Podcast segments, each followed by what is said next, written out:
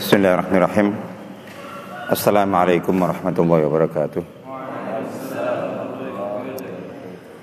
Alhamdulillah bil alamin wassalatu wassalamu ala sayyidina Muhammadin sayyidil mursalin wa ala alihi wa ashabihi ajma'in. Amma ba'd. Insyaallah kita lanjutkan kembali kajian kita tentang ulumul Quran wal hadis ya, seperti yang sudah kita sampaikan sebelumnya bahwa dalam uh, tema ini tentang ilmu ilmu Al-Quran dan Al-Hadis uh, kita ingin sedikit uh, mengenal atau memiliki pemahaman yang ya mungkin umum saja gambaran umum tentang kedua sumber utama ajaran Islam Al-Quran dan As-Sunnah karena ini merupakan dua sumber yang paling pokok dua dalil paling pokok di dalam Islam yang disepakati oleh para ulama semuanya bahwa uh, dalam berislam ini dasar dan sumber kita uh, adalah Quran dan Sunnah ini. nah, kita mempelajari ilmu-ilmu Al-Quran dan ilmu-ilmu Al-Hadis atau As-Sunnah. Ada beberapa manfaat atau ada beberapa tujuan yang ingin kita capai atau ingin kita dapatkan.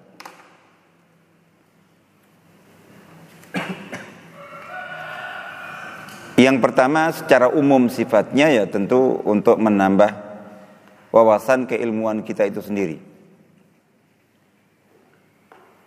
Itu di satu sisi. Di sisi yang lainnya harapannya dengan kita mempelajari ulumul Quran dan ulumul hadis atau ulumul sunnah ilmu-ilmu Al-Quran, ilmu-ilmu Al-Hadis itu diharapkan akan semakin menambah uh, tingkat keimanan kita dan tingkat keyakinan kita akan kedua sumber ini. Jadi bagaimana kita belajar tentang ilmu-ilmu Al-Quran, tentang ilmu-ilmu Al-Hadis ini yang harapannya atau orientasinya itu untuk semakin me menambahkan keimanan kita dan keyakinan kita eh, kepada kedua sumber ini itu sebagai eh, rujukan.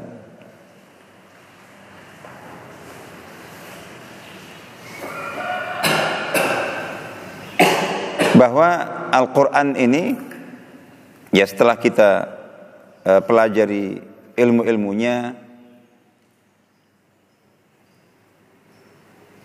itu kita semakin ini semakin apa semakin ya ibaratnya seperti ungkapan e, tidak kenal maka tidak sayang.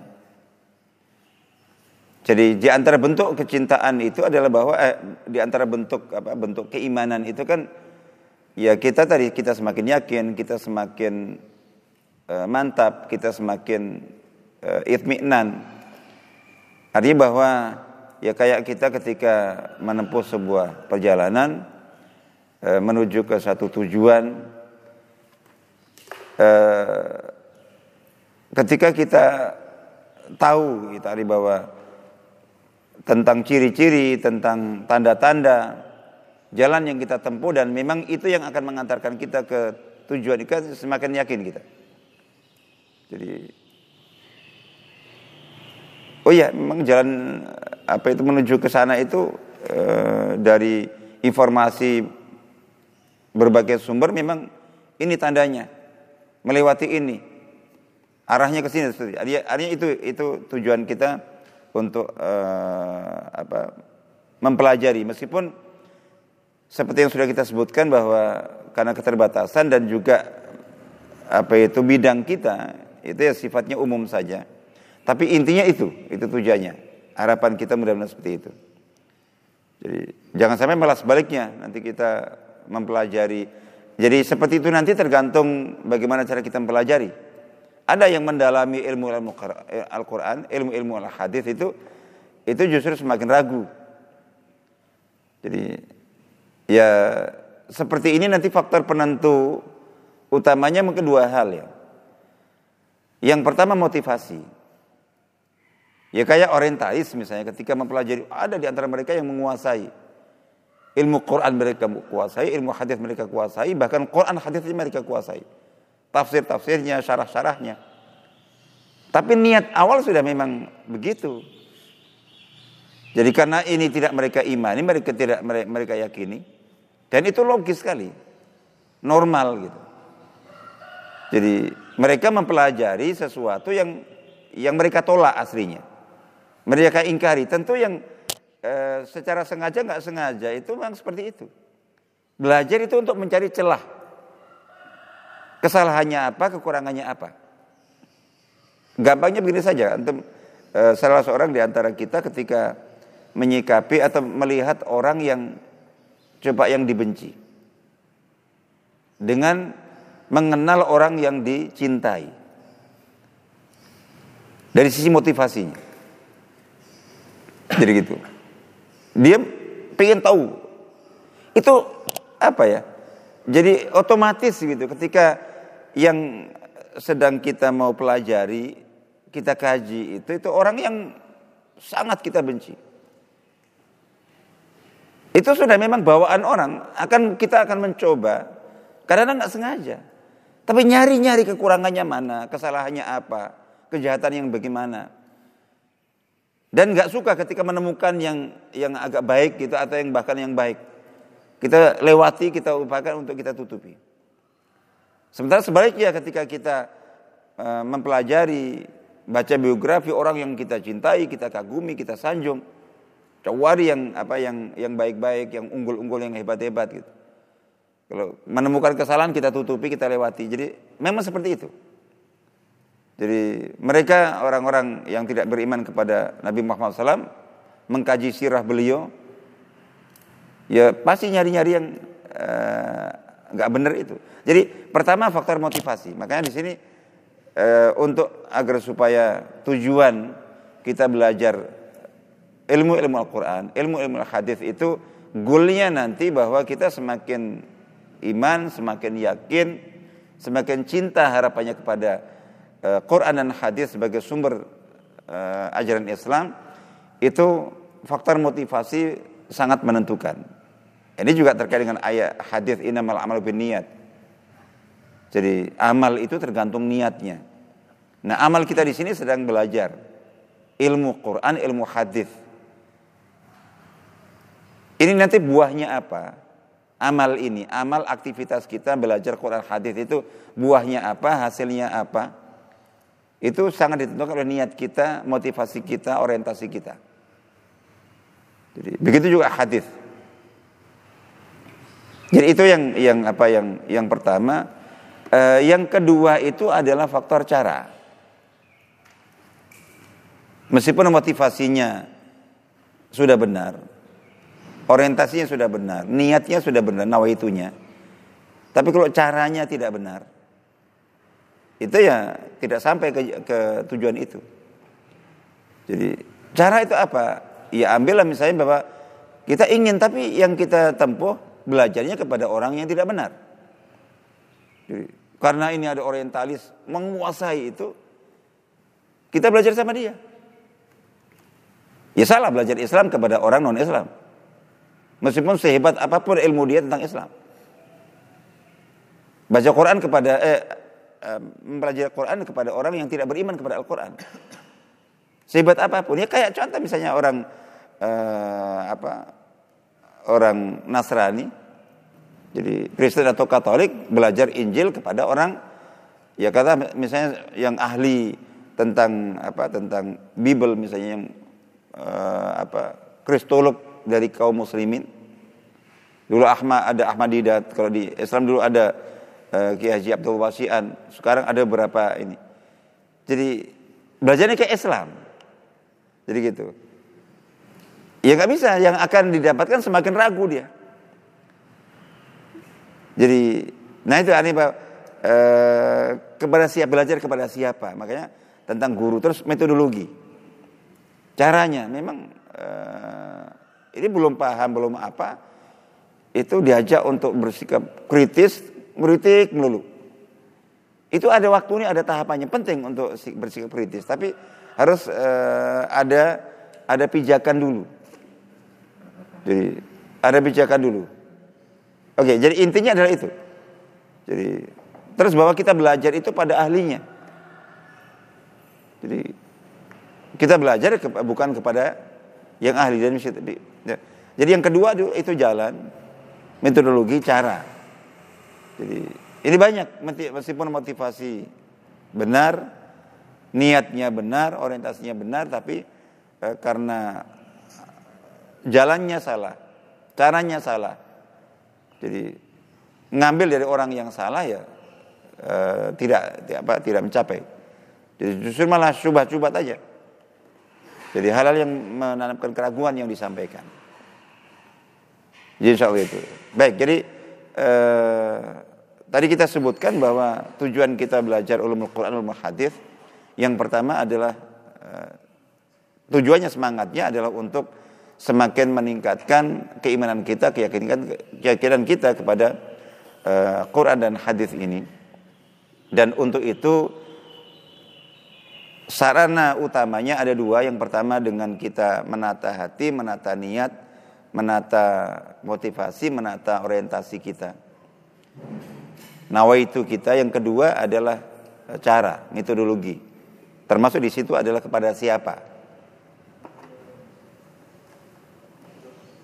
Ini terkait dengan dengan tujuan atau goal atau hasil yang pertama yaitu bahwa harapannya kita uh, kita ini kita semakin bertambah iman dan keyakinan kita kepada Quran Sunnah.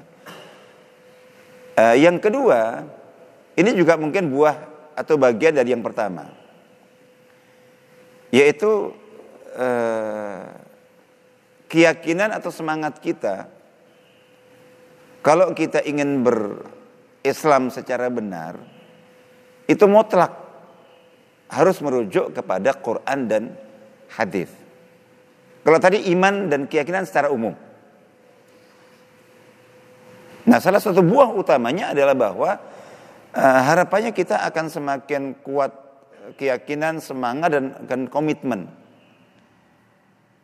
bahwa seseorang tidak dikatakan berislam dengan baik kalau tidak jelas rujukan Quran hadisnya. Jadi gitu. Jadi berislam tidak bisa opo jari. Jadi katanya begini kok. Atau dari kebiasaan. Ya ini sejak kecil ya saya dapat Islam ya begini ini. Oke itu dari awal.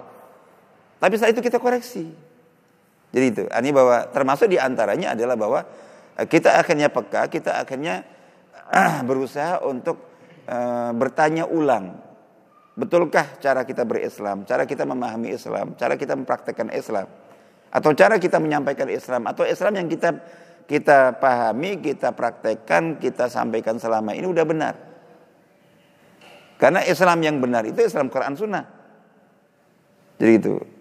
Betulkah yang sudah kita pahami, kita amalkan, kita uh, sampaikan bahkan selama ini itu sudah itu. Nah, dari situ artinya bahwa uh, semangat dan komitmen merujuk kepada Quran Sunnah itu semakin uh, semakin baik, semakin tinggi.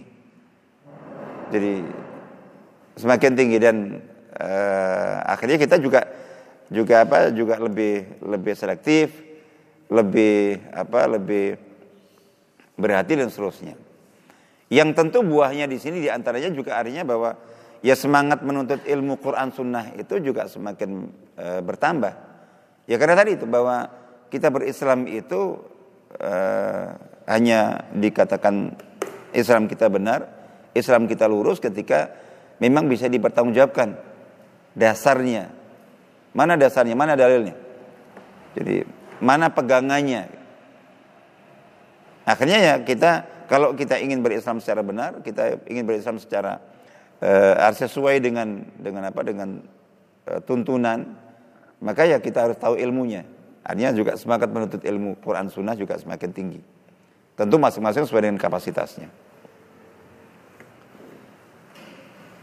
Itu yang kedua. Uh, yang keberapa tadi? Eh, itu ketiga. Eh, gimana? Iya. Iya yang kedua. Jadi artinya bahwa uh, apa itu? yang pertama semakin bertambah iman dan keyakinan pada Quran secara umum. Yang kedua adalah uh, semangat komitmen untuk merujuk kepada Quran Sunnah itu juga semakin baik dan semakin meningkat. Uh, yang ketiga itu bahwa untuk kita mengambil Islam dari sumber Quran Sunnah itu itu harus sesuai dengan metodologi dan jalurnya. Kita akan lebih berhati-hati. Meskipun dari satu sisi kita punya semangat kembali kepada Quran Sunnah. Jadi itu nggak bisa karena memang Islamnya Islam Quran, Islam Islam Sunnah. Islam Islamnya Allah, Islamnya Islamnya Nabi Muhammad SAW. Jadi gitu. Dan untuk mengetahui itu ya Quran Sunnah. Oke, itu sudah jelas. Berarti kita harus merujuk Quran Sunnah mutlak. Tapi tentang bagaimana kita merujuk kepada Quran Sunnah itu juga tidak boleh asal. Jadi ini ilmu yang nanti kita akan akan jadi setidaknya kita mengenal cabang-cabang ilmu Al-Quran, cabang cabang ilmu hadis, dan begitu detailnya, begitu rumitnya, begitu dalamnya, ini nggak mudah. Jadi di satu sisi kita yakin dan kita uh, harus terus memastikan bahwa Islam yang kita pahami, Islam yang kita amalkan, Islam yang kita uh, sampaikan itu Islamnya Quran Sunnah. Jadi gitu. Sehingga perlu kita pastikan itu. Oh iya, jadi gitu. Tapi untuk kita mengambil Islam, baik dalam konteks pemahaman, dalam konteks pengamalan dalam konteks e, dakwah itu juga tidak boleh asal. Ini perlu spesialisasi. Jalurnya itu. Jadi ada sini dua. Pertama bahwa ilmu memahami Quran dan Sunnah. Ilmu untuk kita mengambil rujukan dari Quran Sunnah itu itu harus kita ambil dari ahlinya. Makanya fasalu ahla dzikri in kuntum la. Bertanya bertanyalah kepada ahli ilmu jika kalian tidak tahu. Ahli ilmu siapa? Tergantung ilmu apa yang kita mau tanyakan. Jadi kalau ini ilmu kimia ya kepada ahli kimia. Ilmu fisika kepada ahli fisika. Ilmu bangunan kepada ahli bangunan. Sampai ini ilmu tentang gali sumur, buat sumur ya kepada tukang sumur. Jadi ilmu tentang listrik ya kepada ahli listrik, PLN, dan begitu seterusnya. Tergantung ilmu apa. Nah begitu juga ilmu Quran. Ya tanya kepada Al-Quran. Bukan kadang tanya tentang Quran kepada ahli fikih saja kadang nggak tepat ketika ahli fikihnya bukan ahli Al-Quran juga. Ini ulama, iya ulamanya dia ulama fikih. Bukan ulama tafsir atau hadis. Itu banyak oh salah kamu belajarnya. Beliau ulama fikih, bukan ulama hadis. Meskipun kalau dulu itu ya ulama fikih, ulama hadis, ulama tafsir, tapi kalau uh, ada sebagiannya tidak. Jadi gitu. Diambil sebagai contoh. Imam yang begitu terkenal, begitu agung, begitu dimuliakan. Jadi sampai mendapatkan julukan Hujjatul Islam. Ibaratnya beliau itu hujahnya Islam. Itu Imam Al-Ghazali, Abu Hamid Al-Ghazali rahmahullah. Itu kurang apa beliau? Jadi gitu. Nah tapi beliau itu pakar dan sudah mencapai derajat yang sangat tinggi dalam ilmu fikih. Dalam ilmu tasawuf, ilmu hati, ilmu penyakit hati, mengobati hati. Jadi rujukan dalam akhlak dan seterusnya. Tapi dalam hal ilmu hadis semua sepakat, semua tahu bahwa beliau bukan pakar ya, bukan ahlinya. Jadi gitu. Sehingga ketika para ulama menemukan dalam kitab kitab beliau termasuk yang paling terkenal Ihya Ulumuddin itu ditemukan hadis-hadis yang eh, lemah dipakai bahkan sebagian hadis maudhu itu ya dimaklumi. Jadi gitu. Bukan kemudian dijelek-jelekan, bukan kemudian oh ini apa itu katanya beliau hebat selama ini. Ternyata masa dalam kitabnya uh, membawakan hadis-hadis maudhu, hadis palsu. Terus kemudian kitabnya dibuang, nggak benar. Jadi gitu. Yang salah itu Anda. Jadi gitu. Kalau mau ilmu hadis bukan ke beliau. Ke beliau ilmu fikih. Ke beliau ilmu tasawuf, ilmu akhlak, ilmu hati. Kayak gitu. Nah, akhirnya para kalau para ulama sikapnya betul. Ilmu di mana beliau memang bidangnya di situ, ilmu fikih, ilmu hadis tetap dipegangi, tetap dijadikan rujukan, tapi untuk ilmu hadis, nah beliau dikoreksi. Akhirnya ulama yang uh, tahu bagaimana mengenal uh, orang, menyikapi orang itu, ya ilmu hadisnya, ini para ulama hadis ada Imam Al-Iraqi namanya, rahimahullah, ahli hadis Ketika mendapati dalam kitab Ihya Ulumuddin itu banyak hadis-hadis yang salah, hadis yang dhaif, hadis bahkan yang maudhu, bukan kemudian mereka eh, apa itu kampanye untuk membuang Ihya Ulumuddin. Tidak. Oh, beliau, beliau memang ahli fikih, ahli eh, apa itu ahli tasawuf, ahli ilmu akhlak dan hati, tapi ilmu hadis memang lemah beliau. Dan beliau nggak pernah mengatakan bahwa oh, saya ahli hadis. Nah, akhirnya apa? Ya sudah, Beliau akhirnya sementara ilmu beliau di sini Ihmuddin itu sangat bermanfaat, sangat dibutuhkan. Maka kemudian beliau sebagai ahli hadis akhirnya melengkapi menyempurnakan. Jadi hadis-hadis yang beliau sebutkan dalam Ihya Ulumuddin itu dikaji ulang oleh beliau. Terus dijelaskan mana yang sahih, mana yang hasan, mana yang dhaif, mana yang maudhu. Jadi gitu. Itu caranya, artinya seperti itu. Baik, saya kembali. Jadi artinya bahwa uh, setelah kita semakin beriman dan semakin yakin uh, tentang Quran Sunnah sebagai sumber dan pedoman ajaran Islam, yang kedua uh, kita semakin semangat dan punya komitmen. Jadi bahwa kalau mau berislam baik dalam pemahaman, dalam pengamalan, dalam dakwah ya harus e, berperbanding pada Quran Sunnah. Itu semakin kuat. Nah, yang ketiga adalah bahwa untuk kita mengambil Islam, ajaran Islam, hukum Islam, akidah Islam dari Quran Sunnah itu itu juga tidak bisa asal. Jadi harus metodologis.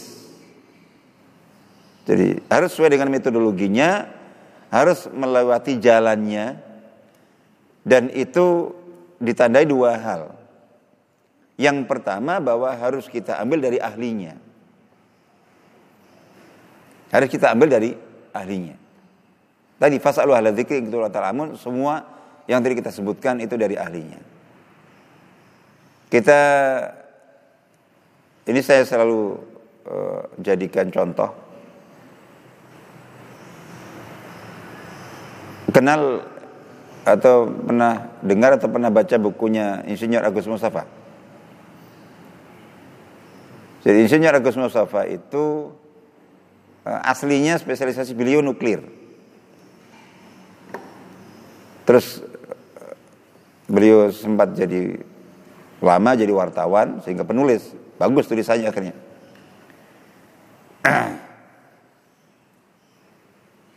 Terakhir beliau masuk ke bidang keislaman. Banyak nulis tentang Islam. Nah, tapi e, tidak sedikit dari buku-buku beliau yang akhirnya kontroversial. Mulai dari judulnya sampai isinya. Salah satu yang paling kontroversial itu adalah tentang buku beliau yang berjudul ternyata akhirat tidak kekal. Di situ menegaskan bahwa Quran eh, bahwa akhirat itu tidak kekal, akhirat itu akan fana. Padahal ya mungkin ilmu ilmu ibtidaiyah ya, ilmu sanawiyah, ilmu SD SMP yang selama ini diajarkan bahwa ayat-ayat Quran tegas mengatakan orang-orang yang masuk surga semoga kita semuanya termasuk dalamnya itu ditegaskan khalidina fiha abada. Yang di surga itu kekal di dalamnya selama-lamanya. Yang ngantuk-ngantuk yang ini kalau yang kuat ambil wudhu atau di anu disegerin wajahnya. Jadi kekal di dalamnya selama-lamanya. Ya di neraka, naudzubillah mudah-mudahan Allah taala menyelamatkan kita. Itu jadi dikatakan khalidina fiha abada. Tentang bahwa surga kekal, yang di surga kekal, neraka kekal, yang di neraka kekal, akhirat kekal. Itu sudah menjadi akhir yang disepakati 15 abad dari insya Allah sampai hari kiamat. Tiba-tiba di abad 21 sekarang ada eh, seseorang yang bukan ahli, bukan ulama, bukan pakar, bukan ahli tafsir, bukan ahli akidah, bukan ahli hadis, nulis buku dan membuat uh, statementnya begitu dahsyat bahwa ternyata akhirat tidak kekal seolah-olah ingin mengatakan bahwa selama ini saya membaca Quran mengatakan akhirat kekal. Quran mengatakan eh, apa itu? Jadi surga kekal, neraka kekal. Tapi setelah saya pelajari ternyata akhirat tidak kekal. Itu kan sama dengan mengatakan apa? Ternyata Quran salah kan gitu kan.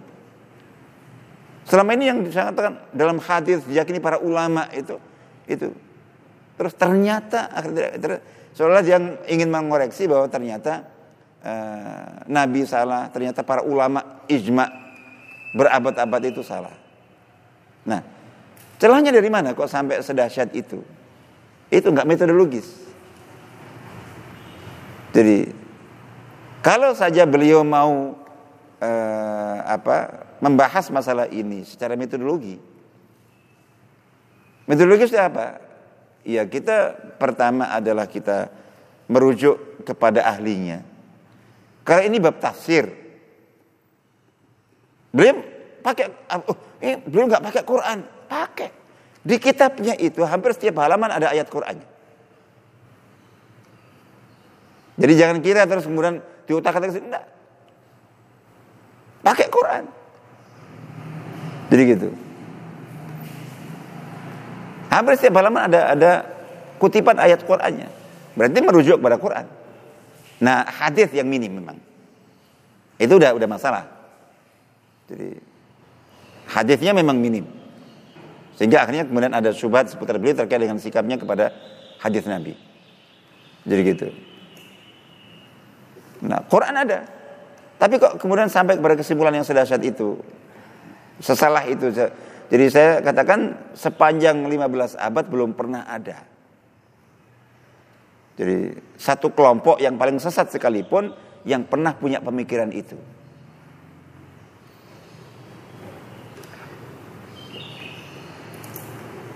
Ini berarti benar-benar pemikiran yang bid'ah paling bid'ah karena nggak pernah ada. Jangankan dari para ulama, kelompok paling sesat pun nggak pernah mengatakan itu. Jadi, yang sempat pernah muncul terkait dengan dengan akhirat surga neraka itu itu adalah tentang fananya neraka. Bukan fananya akhirat atau tidak kekalnya akhirat secara keseluruhan, tapi neraka itu yang akan fana. Tidak kekal berarti hanya neraka saja, tapi surga tetap kekal. Itu pun itu yang pernah muncul dan itu pun disalahkan oleh para ulama. Kalau akhirat tidak kekal secara keseluruhan itu tidak ada. Itu muncul. Nah, mengapa kok sampai beliau terjatuh kepada kesalahan yang seperti itu karena tadi. Karena tidak metodologis. Bahas tafsir tapi tidak mau merujuk kepada ulama tafsir. Kalau beliau mau ke ahli tafsir satu dua tiga saja cukup. Akan terjaga tidak akan ada yang tidak ada satupun ulama tafsir yang muktabar yang menafsirkan Quran tentang surga neraka akhirat itu mengatakan itu. Yang kedua, ini tentang akhirat. Masalah akhirat itu masalah akidah. Karena masalahnya akidah merujuk kepada ulama akidah. Ulama akidah nggak terhitung jumlahnya sepanjang sejarah. Dari berbagai mazhab. Mazhab apa pun, salaf, kholaf, Ash'ari, Maturidi, non Ash'ari, Maturidi. Dalam bab ini tidak ada perselisihan sama sekali. Karena ini masalah prinsip. Kalau sudah prinsip, jadi kalau sudah masalah prinsip itu berarti tidak ada perbedaan antar para ulama itu. Dia itu silahkan mau mengambil, mau belajar, mau merujuk kepada ahli akidah dari mazhab apa pun. Satu saja cukup sudah. Tapi tadi membahas ayat Quran tidak merujuk kepada ahlinya yaitu ahli tafsir, ahli Al-Quran. Membahas ilmu akidah, bidang akidah tidak mau merujuk kepada satu pun dari ulama akidah. Ya nggak benar ya kayak tadi itu. Seseorang yang ingin cita-citanya dan inginnya itu jadi dokter masuk ITS. Jadi gitu. Berarti itu nggak ada jurusan ITS. Nggak tahu jurusan apa ini masuk, terus setelah lulus ngamuk-ngamuk, loh kok saya nggak jadi dokter? Ya gitu. Jadi, jadi seperti itu. Jadi ini yang kalau untuk tadi jadi bahwa uh, kita wajib merujuk Quran, kembali kepada Quran, merujuk hadis kembali kepada hadis. Iya. Tapi tidak bisa asal. Sebagaimana ilmu mana pun nggak bisa asal. Harus metodologis. Mengikuti metodologinya dan mengikuti metodologinya yang pertama tandanya adalah dengan fasalu ahla dzikri in kuntum la ta'lamun. Bertanyalah kepada ahli ilmu di bidang masing-masing jika kalian tidak tahu. Jadi gitu.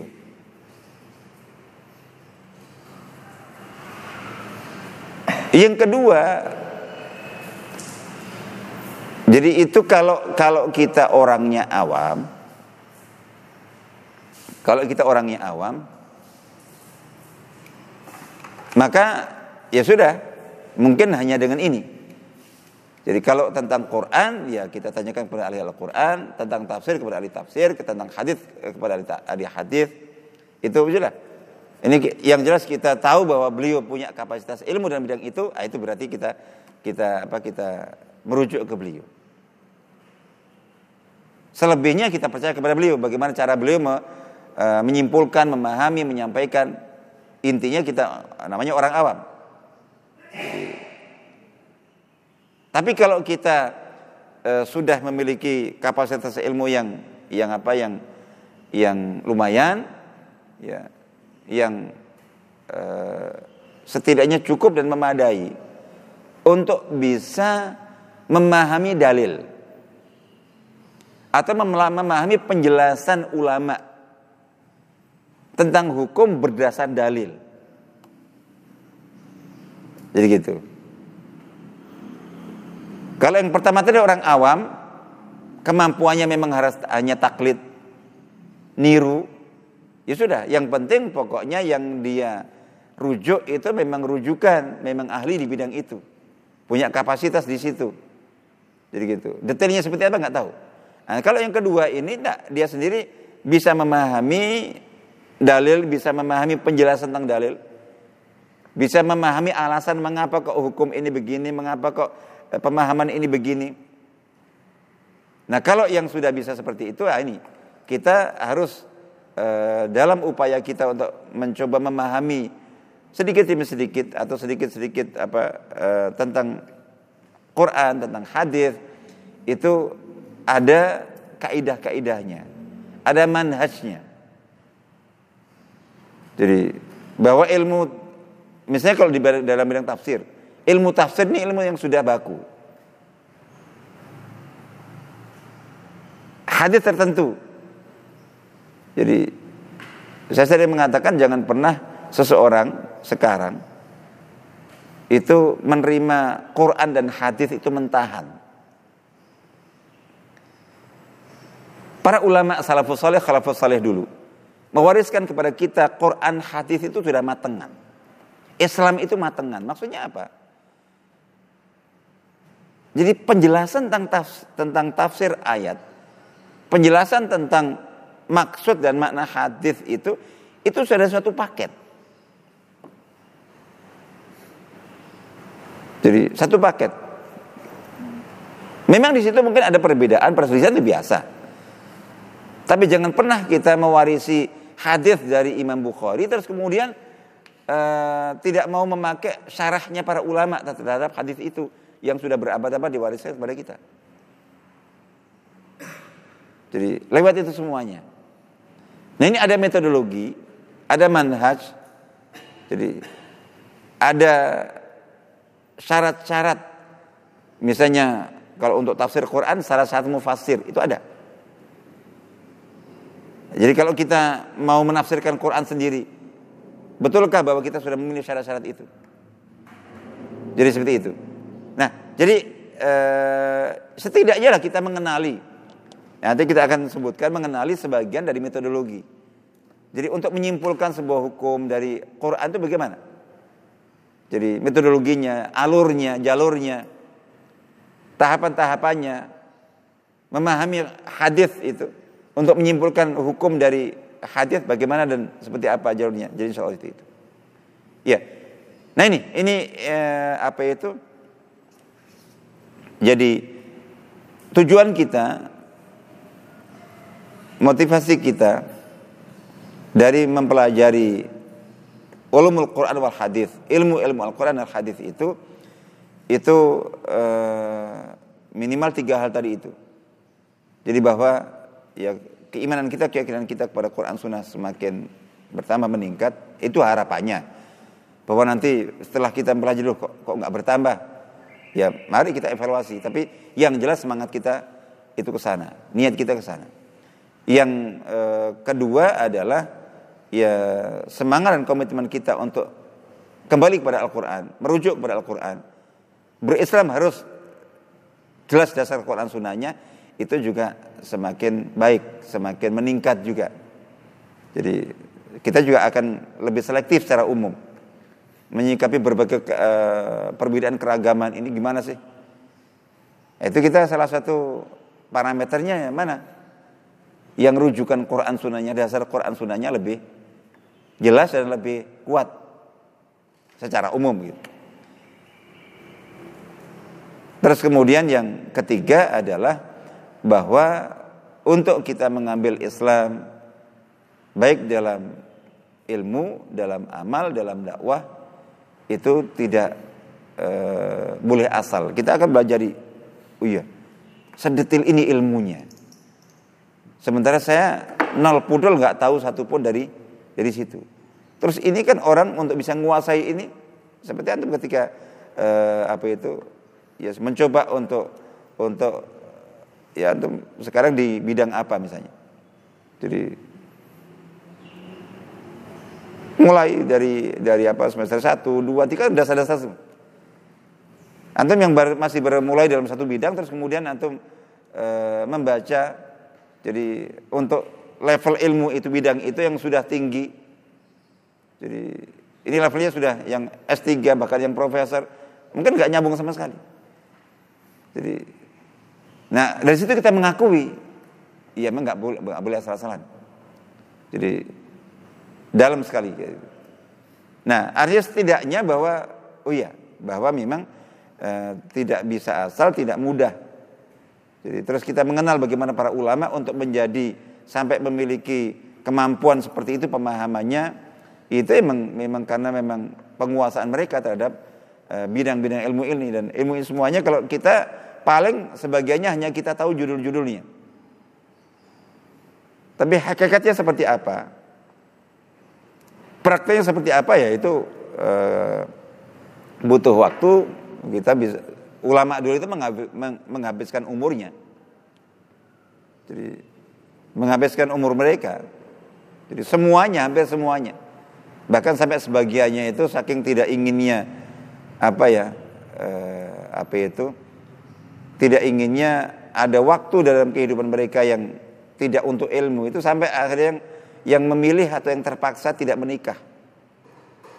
Jadi karena rasanya nggak cukup kalau saya ingin mereka mereka punya target harus menguasai ilmu ini semua dan itu nggak ada waktu sudah. Ada yang sampai seperti itu. Nah dari situ kita akan akan ini akan apa akan uh, lebih berhati-hati.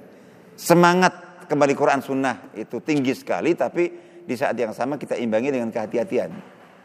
Karena selama ini sering terjadi kerancuan. Jadi ya ini bersikap itu kan memang yang paling mudah itu uh, ekstrim ya. Baik ekstrim kanan, ekstrim kiri. Jadi sementara kita inginnya di tengah-tengah. Proporsional, moderat. Jadi gitu. Di satu sisi ya aslinya awalnya itu semangatnya ingin berhati-hati karena sadar bahwa kita bukan ahlinya ya sudah. Udahlah jadi jangan coba-coba untuk ngambil Islam dari Quran Sunnah langsung. Jadi gitu. Kita ini siapa? Bener awalnya. Akhirnya udah ke para ulama. Jadi gitu. Ke para ulama. Tapi tadi bahwa semangat dan komitmen bahwa berislam harus Quran Sunnah itu itu seiring dengan tadi kembali kepada ulama pokoknya apa cari ulama itu Eh, kesadaran dan semangat kembali Quran Sunnahnya lemah. Akhirnya ulama itu diposisikan sebagai Quran Sunnah. Padahal ulama itu hanya jalan. Tapi sudah opo cari. Jadi pokoknya terserah. Kayak gitu. Akhirnya bahwa e, kembali kepada ulama banyak di kalangan e, apa ya, di kalangan masyarakat ini yang akhirnya karena semangat dan komitmen kembali kepada Quran Sunnahnya lemah, itu akhirnya hilang Quran Sunnah itu. Ulama diposisikan sebagai sumber. Jadi beda, ini masdar. Tetap Quran Sunnah, tapi ulama itu jalan. Ulama itu jalan. Kalau ulamanya jalan, ada dua hal yang kita lakukan ketika Pertama memastikan bahwa memang ulama ini adalah ulama Quran Sunnah. Ulama yang kita tahu selama ini merujuk kepada Quran Sunnah. Jadi gitu.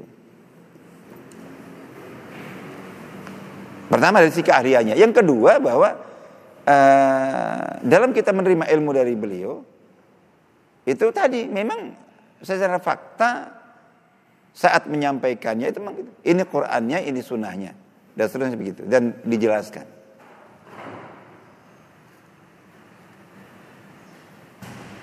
Ya. Jadi eh, artinya bahwa kita kita kembali tadi ada kelompok itu akhirnya bahwa semakin menjauh. Jadi karena apa ya saking khawatirnya bahkan sekedar menyebut ayat menyebut hadis saja itu nggak berani. Sehingga jauh sekali. Jadi gitu. Nah, ini kalau seandainya ulamanya itu memang betul-betul ulama, itu mungkin masih mending. Yang jadi masalah kemudian sudah putus dari Quran Sunnah, pokoknya ulama. Ke sininya itu malah ulamanya sendiri juga ulama yang bukan ulama, ulama yang dianggap ulama. Hanya karena dianggap ulama. Ya gitu. Nah ini, akan akan semakin semakin jauh. Nah dari situ kemudian muncul reaksi. Reaksi bahwa ini ada kelompok yang taklid buta, mengikuti tanpa dalil, tanpa merujuk pada Quran Sunnah. Akhirnya menyerukan kembali kepada Quran Sunnah, tapi ekstrim juga. Tidak melewati para ulama itu. Buang semua madhab, semua itu. Ini pokoknya kita langsung pada Quran Sunnah. Membaca ayat seolah-olah ayat baru turun kepada dia. Membaca hadis seolah-olah seolah-olah hadis itu baru dia yang menemukannya. Tidak mau membaca uh, apa tafsir para ulama yang sudah uh, rinci sekali mempelajari tentang itu, tidak mau membaca penjelasan syarah para ulama hadis yang sudah mengkaji hadis itu berabad-abad. Nah, ini juga salah.